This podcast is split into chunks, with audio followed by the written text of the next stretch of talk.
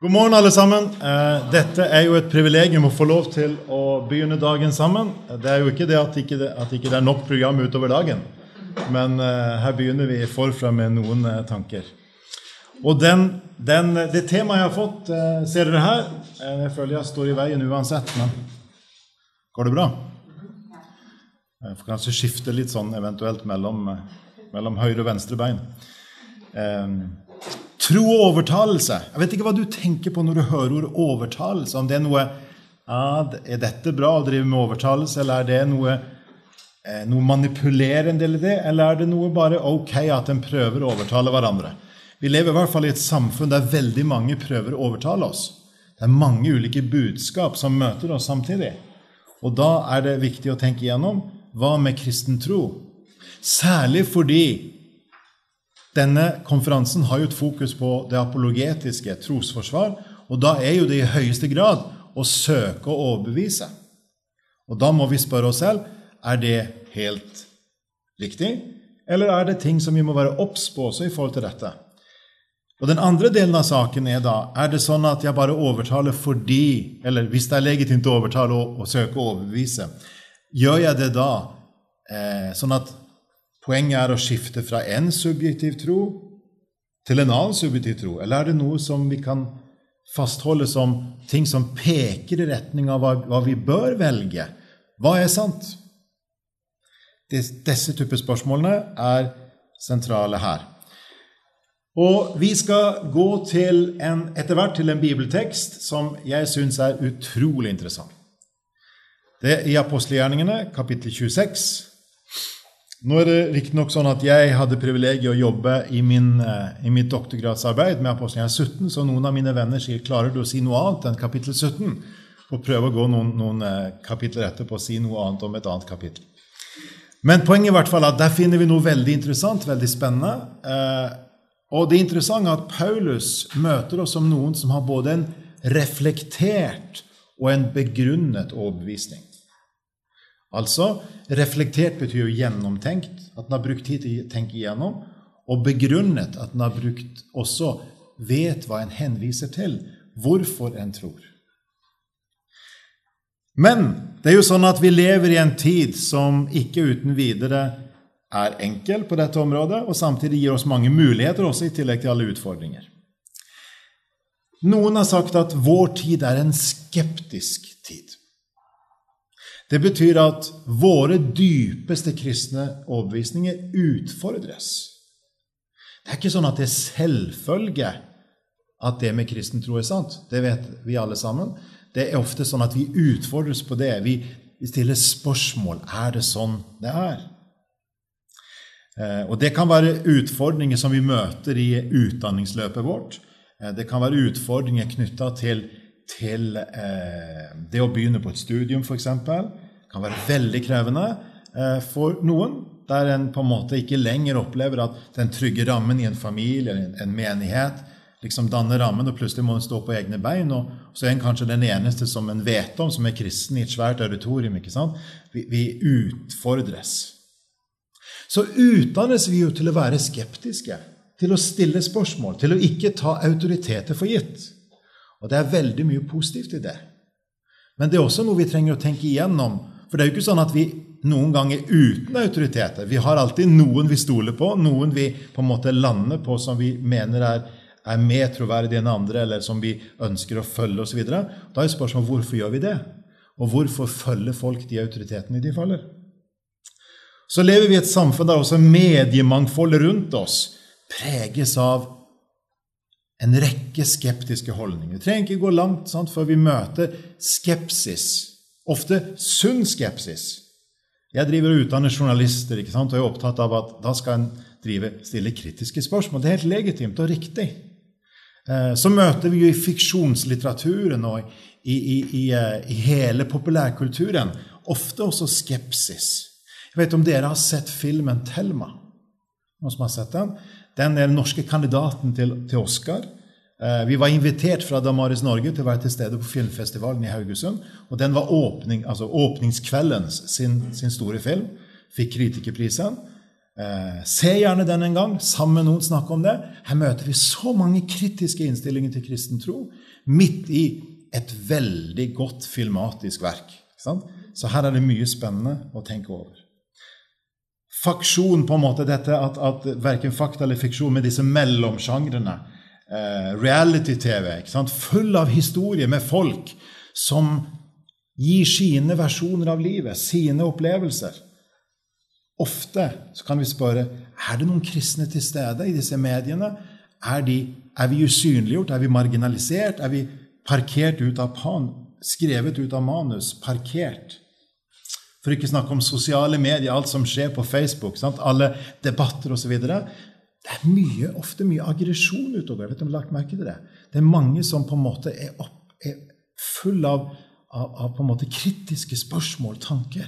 Hvordan håndterer vi det?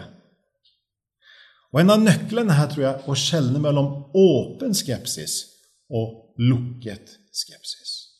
En åpen skepsis det er en holdning der en stiller kritiske spørsmål, men er villig til å la seg overbevise. Hvis det er noe som er sant, og som en da er villig til å, å, å, å lytte til.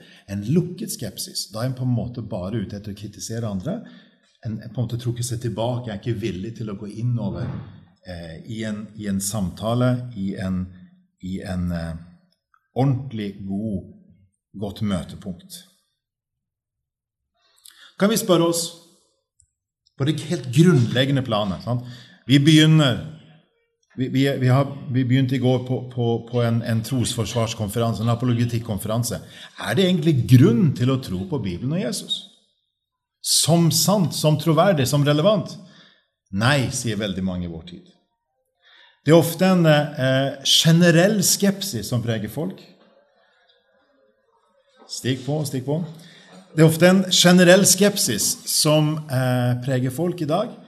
Det ligger liksom i veggene, så å si, i kulturen vår, at en i utgangspunktet skal være skeptisk.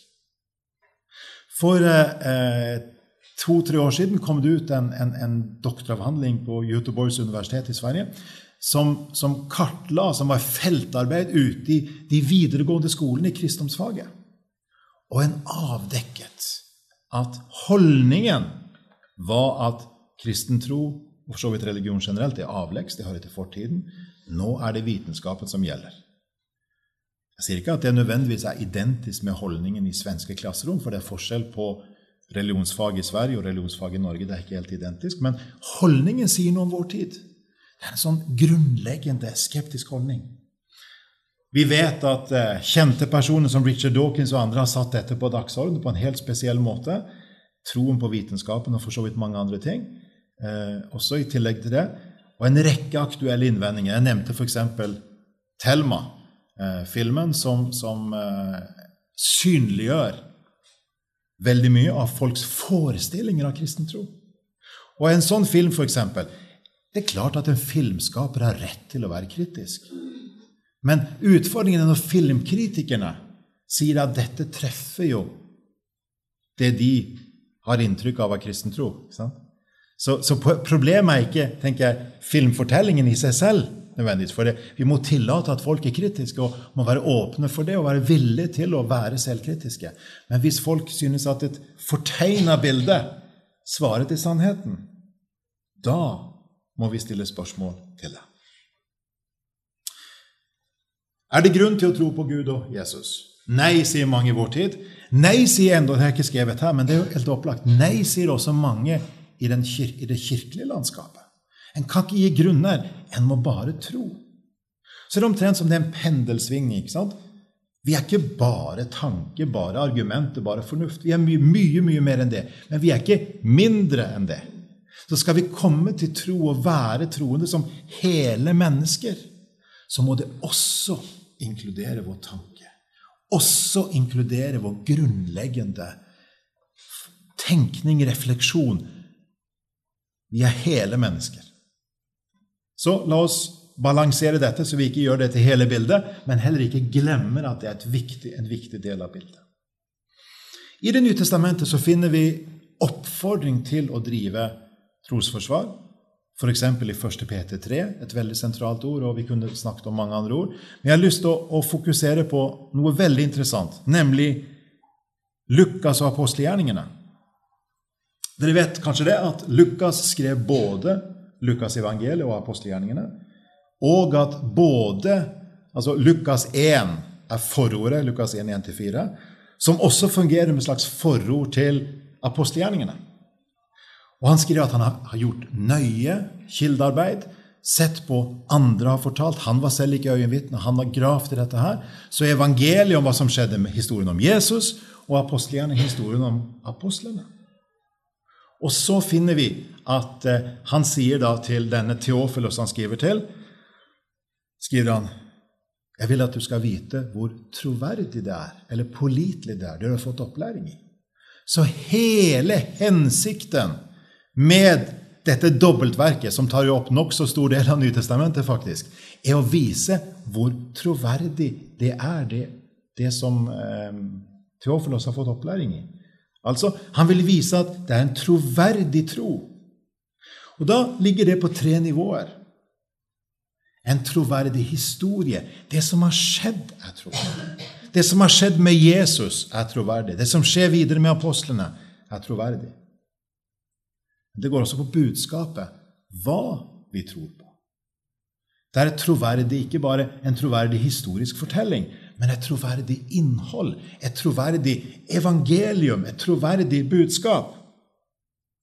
Og så det tredje, som er faktisk veldig interessant. Tenk dere inn de første kristne. De var en minoritet, en liten gruppe.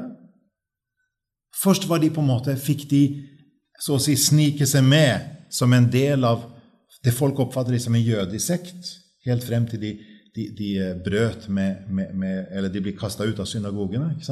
Så ser vi at, at da var det sånn viktig spørsmål.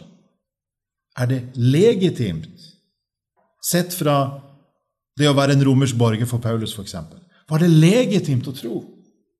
Og gang på gang møter vi apostelgjerningene særlig at eh, Paulus så å si frikjennes fra anklagen om å være samfunnsomveltende. ikke sant? Eller å være eh, Det er en tro som er troverdig også legitimt i forhold til samfunnssituasjonen. Og jeg tror det samme spørsmålet må vi stille i dag. Det å være kristen er på en grunnleggende måte, som Jeremia snakker om, å søke byens shalom. Å søke det beste for samfunnet vi lever i. Jeg må ikke glemme at det er vi kalt til å gjøre. Og med dette helhetsbildet, la oss gå til apostelgjerningene 26. Nå kunne vi tatt hele, hele sammenhengen her. Det, det, les gjerne hele sammenhengen fra slutten av kapittel 25, siste del, hele veien helt til slutten av 26. Da vil dere se at uh, Paulus møter da to myndighetspersoner Eh, Agrippa, som er da den, den, jødiske lydkongen, og Festus, som er den romerske landshøvdingen. Og så står det at de kommer inn med hele sitt følge i all sin prakt. Det var sikkert ikke lite, det. Sant? Og så kaller de så Paulus invitert, eller blir, blir liksom sammen before dem, eh, og skal opptre, og få lov til å legge frem sitt forsvar, står det. Altså sitt, egentlig sitt vitnesbyrd i retten. da. For han hadde, han hadde overklaga til keiseren. Så spørsmålet var nå hva med denne situasjonen? Skulle, hva skjedde med Paulus videre her? Og så finner vi slutten av dette. Og det er altså Paulus som gjenforteller sin livshistorie, setter dette inn i en større sammenheng, og så helt de siste versene som, som eh, står her i hans tale. Men til denne dag har Gud hjulpet meg, så jeg har vitnet for høy og lav og jeg har ikke sagt annet enn det profeten og Moses sa skulle hende, at Messias skulle lide, og at han som den første skulle stå opp fra de døde og forkynne lyset både for sitt eget folk og for hedningefolkene. Ok, Tenk dere inn i situasjonen. Her møter vi altså Paulus foran disse to myndighetspersonene med hele sitt følge, i all sin prakt. Og En skulle tro at det var en viss verdighet i denne salen. sant? Eh, men hva skjer? Jo, en av de to hovedpersonene på myndighetssiden, eller som vi sier her på Sørlandet, myndighetene, eh, så, så sa da Da han kom til dette punktet i forsvarstalen, ropte Festus høyt. Jeg lurer på om ikke dette er nesten å miste ansiktet litt. Altså i denne situasjonen her. Eh, og han sa, 'Du er fra sans og samling, Paulus. All lærdommen din driver deg fra forstanden.' Veldig interessant. Ser dere, her er det noe som er sagt i denne talen, som provoserer så grundig at han mister liksom konsepten og høfligheten og roper høyt og sier 'du er gal'. Og så vet jeg ikke om dere har hørt noen gang innvendingen at det er all lærdommen som gjør det gal. Det er i hvert fall eh, det eneste positive her da i tilfellet. Um, det interessante spørsmålet her Det første er hva preger Paulus sitt vitnesbyrd? Han har lagt frem sin historie, sitt vitnesbyrd om, om Jesus. Det har vi ikke sagt så mye om, men, men det, det, det, kan dere lese på egen hånd. Hvorfor protesterer Festus? Hva er det han protesterer på? Jeg vet ikke, om dere har tenkt den tanken. Hva er det som gjør, hvis dere har lest teksten, sånn, husker at dere har lest teksten før, hvorfor er det han protesterer? Hva er det som gjør at, at det er et eller annet som, som, som provoserer ham sånn? Og for det andre, hvis du og jeg hadde møtt et sånt som protest, hvordan hadde vi svart? Og hvordan er det så Paulus svarer. Hvis vi går tilbake til teksten her Hadde vi hatt tid, så kunne vi snakket sammen om dette, og dere kunne observert litt og kunne tenke litt høyt om dette. Ehm, ett element i teksten er nok oppstandelsen, som nevnes. Veldig ofte så møter vi at oppstandelsen vekker veldig sterke reaksjoner. Og Det er jo ikke rart. sant? Budskapet om en, en, person som er død, at de virkelig tror på å bli levende igjen, det er jo helt naturlig at det skaper reaksjoner. Så kan vi tenke oss at han har vitnet for både høy og lav.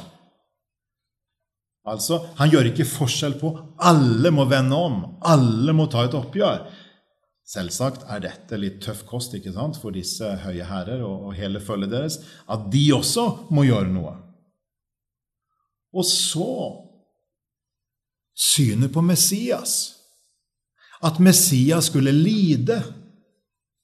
Messias var vel den som skulle komme for å gjenopprette Israel, var det ikke det? For å være kongen, den store kongen. Og sånn kunne vi fortsatt. ikke sant? Her er det nok mange ting som kunne ha provosert. Og så møter vi da denne sterke, dramatiske protesten fra Festus. Og da skal vi gå videre og se på hvordan er det Paulus svarer på den protesten.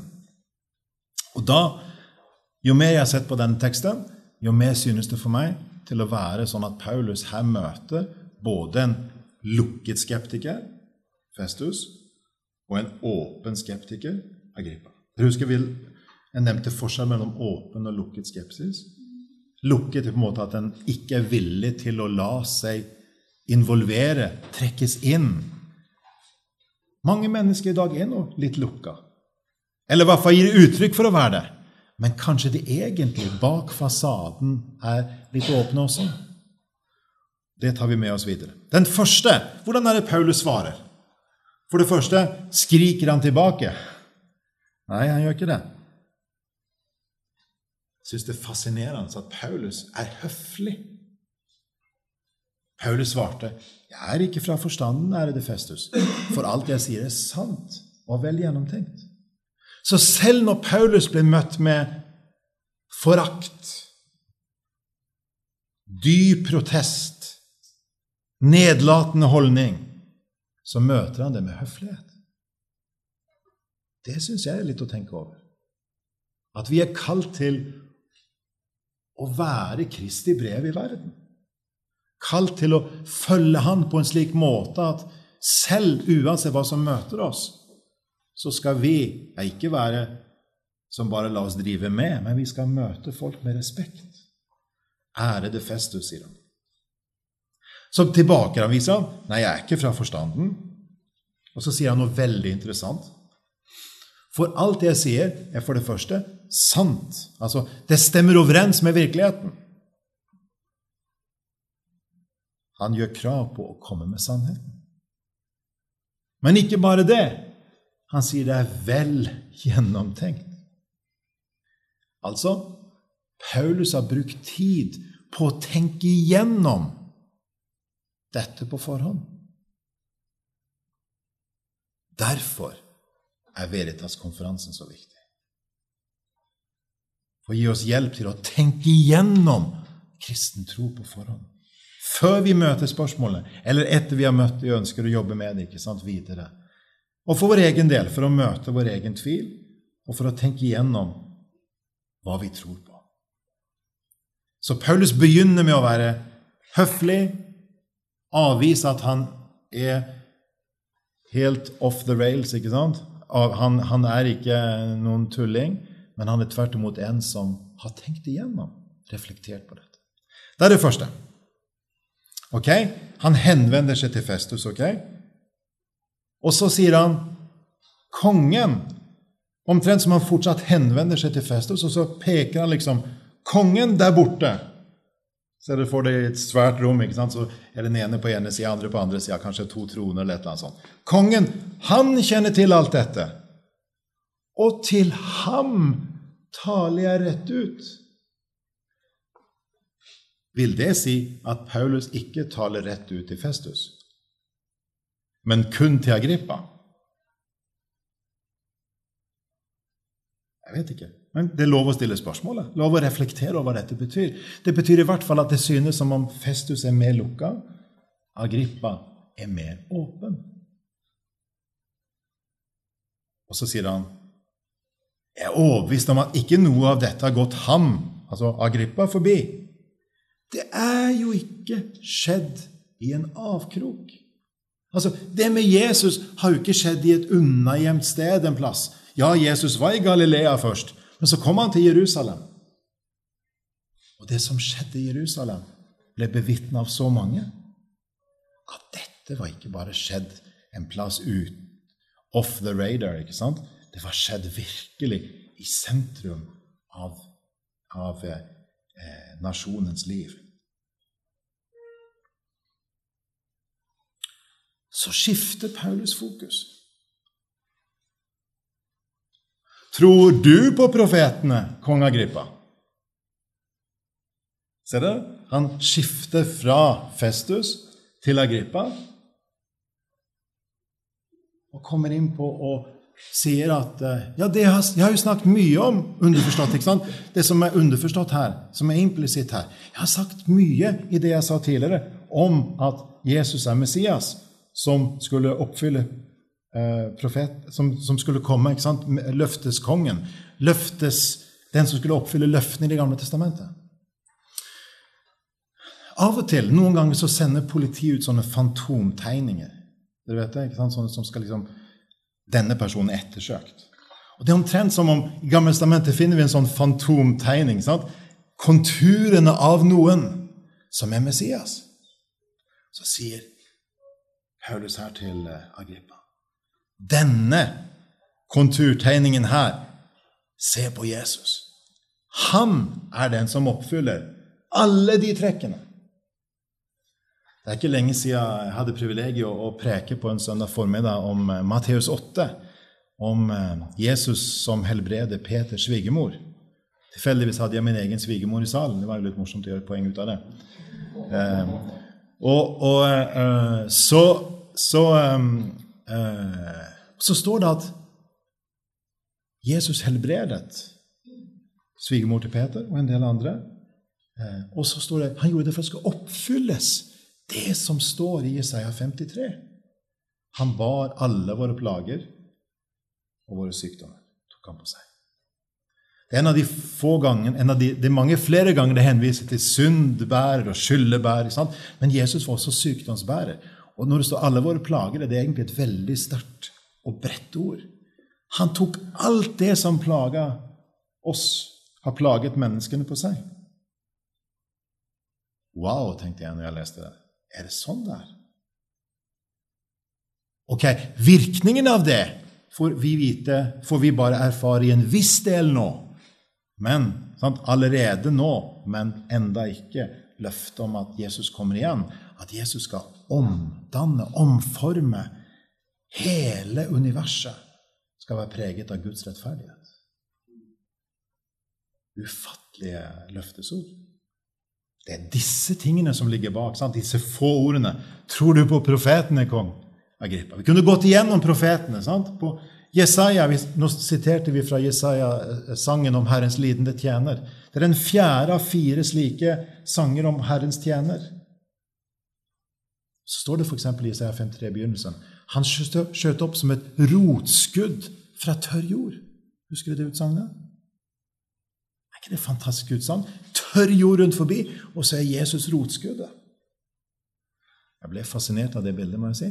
Jeg synes at Her ligger det så mye. Og Angrippa er skeptisk, men han er åpen. Han er villig til å høre om hele dette bildet. Og så sier han, 'Jeg vet at du tror på profeten'. Med andre ord, de delte dette grunnlaget. Da er vi tilbake til hva som er autoriteter i livet vårt. Så I møte med Agrippa så kunne Paulus henvise til profetene som en felles autoritet. Fortsatt i dag er det en del mennesker rundt oss som vil ha en form for felles autoritet med oss, at Bibelen i hvert fall har en betydning for dem. Men kanskje for folk flest er det ikke der i dag at Bibelen har en autoritet i deres bevissthet. Hva skjer videre, da? Så svarer Agrippa ærlig. Agrippa sa til Paulus det er like før du får overtalt meg til å bli en kristen. Ok, Da er vi tilbake til temaet om tro og overtalelse. ikke sant? Eh, det er like før du får overtalt meg til å bli en kristen. Igjen en åpenhet, ikke sant? Tør å innrømme at det omtrent som budskapet til Paulus er som en magnet som trekker han nærmere. Inn mot evangeliet. Inn mot hvem Gud er, hvem Jesus er, hvordan Gud har åpenbart seg Jesus Kristus. Og så kommer det et aldeles nydelig svar fra Paulus. Paulus svarte. Like før, eller langt igjen Mitt ønske til Gud er at både du og alle andre som hører meg her i dag Husk at det var et stort følge med pomp og prakt pomp and circumstances, pomp og prakt, må bli som jeg, bare uten disse lenkene. Paulus ønsket ikke at de skulle måtte gå gjennom eh, sånn vansker og forfølgelse. Var ikke det han inviterte til, selv om han var realistisk i det. Men han sa det. At han ønsket at alle skulle være slike som, som åpnet seg opp. Som gikk fra å være lukket til å være åpne som åpnes opp for å la seg påvirke, la seg prege, for å utforske. Apologetikken gjennom årene Det er Oss Guinness, en kjent eh, forfatter, som en del av dere kjenner navnet på, sikkert, eh, som, som i en, en, av sine siste bøker beskriver at apologetikken gjennom tidene har hatt to symboler. Den ene symbolen er knyttneven. Og knyttneven ikke i betydningen en knyttneve som slår oss ned, men en knyttneve som sier 'Dette mener jeg, og jeg vet hvorfor jeg mener det'. Så det bestemte argumentet. Og det har sin absolutte plass. Men så sier han det fins en annen tradisjon, en annen parallell tradisjon, som er like viktig. Og det er den åpne hånden som inviterer til å utforske. Vi trenger både det bestemte argumentet knyttneven, overbevisningen og invitasjonen til å utforske.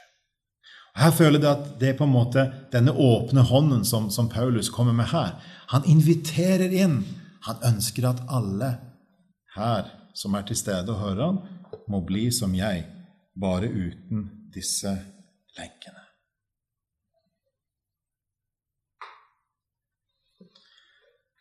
Hva skjer så videre?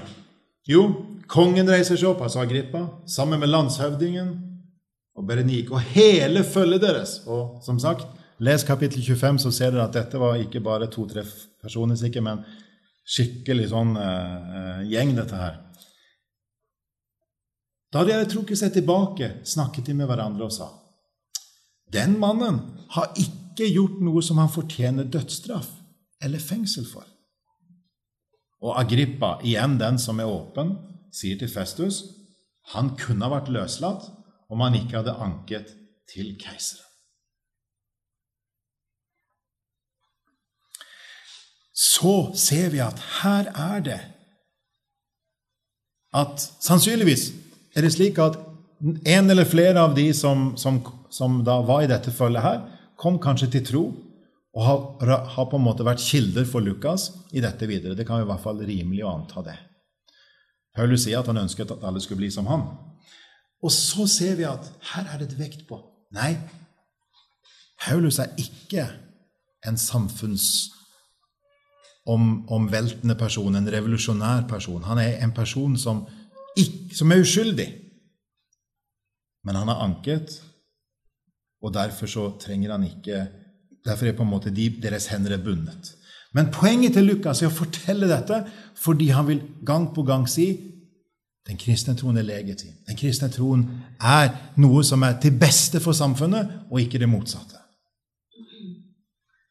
Her har vi altså, og nå begynner vi å gå inn mot landing, vi har altså um, fem grunner til å tro på Bibelens Jesus. Det er fornuftig, vel gjennomtenkt, sant?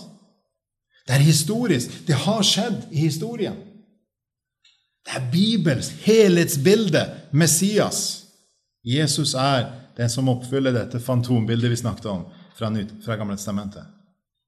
Det er relevant personlig. Og det er legitimt og godt for samfunnet. Vi kan spørre hvilken av de fem grunnene er mest aktuelle for deg og meg i dag? Hva er det vi møter oftest? Kanskje er det en kombinasjon, avhengig av hva, hva, vi holder på å tenke på og, og, og, jobbe med oss på egen hånd, eller i våre familier, eller våre, i, i, med våre venner, eller på, på, i skole, eller utdanning, eller yrkesarena. Jeg tenker ofte at det er avhengig av hvem en snakker med. For noen er det ene aktuelt, og for noen er det andre aktuelt. Vi fokuserer på tro her. ikke sant? Tro og overtalelse. Jeg har lyst til å dele én ting med dere helt til slutt, som en slags sånn PS. Hva kan vi lære av Luther? Det er jo 500-årsjubileum av reformasjonen nå, med, med selve reformasjons, eh, reformasjonsdatoen eh, 31.10 nærmer seg veldig raskt. Luther og de andre snakket om tro på tre nivåer. Bare for å ta det med oss i tillegg til det vi har sagt så langt.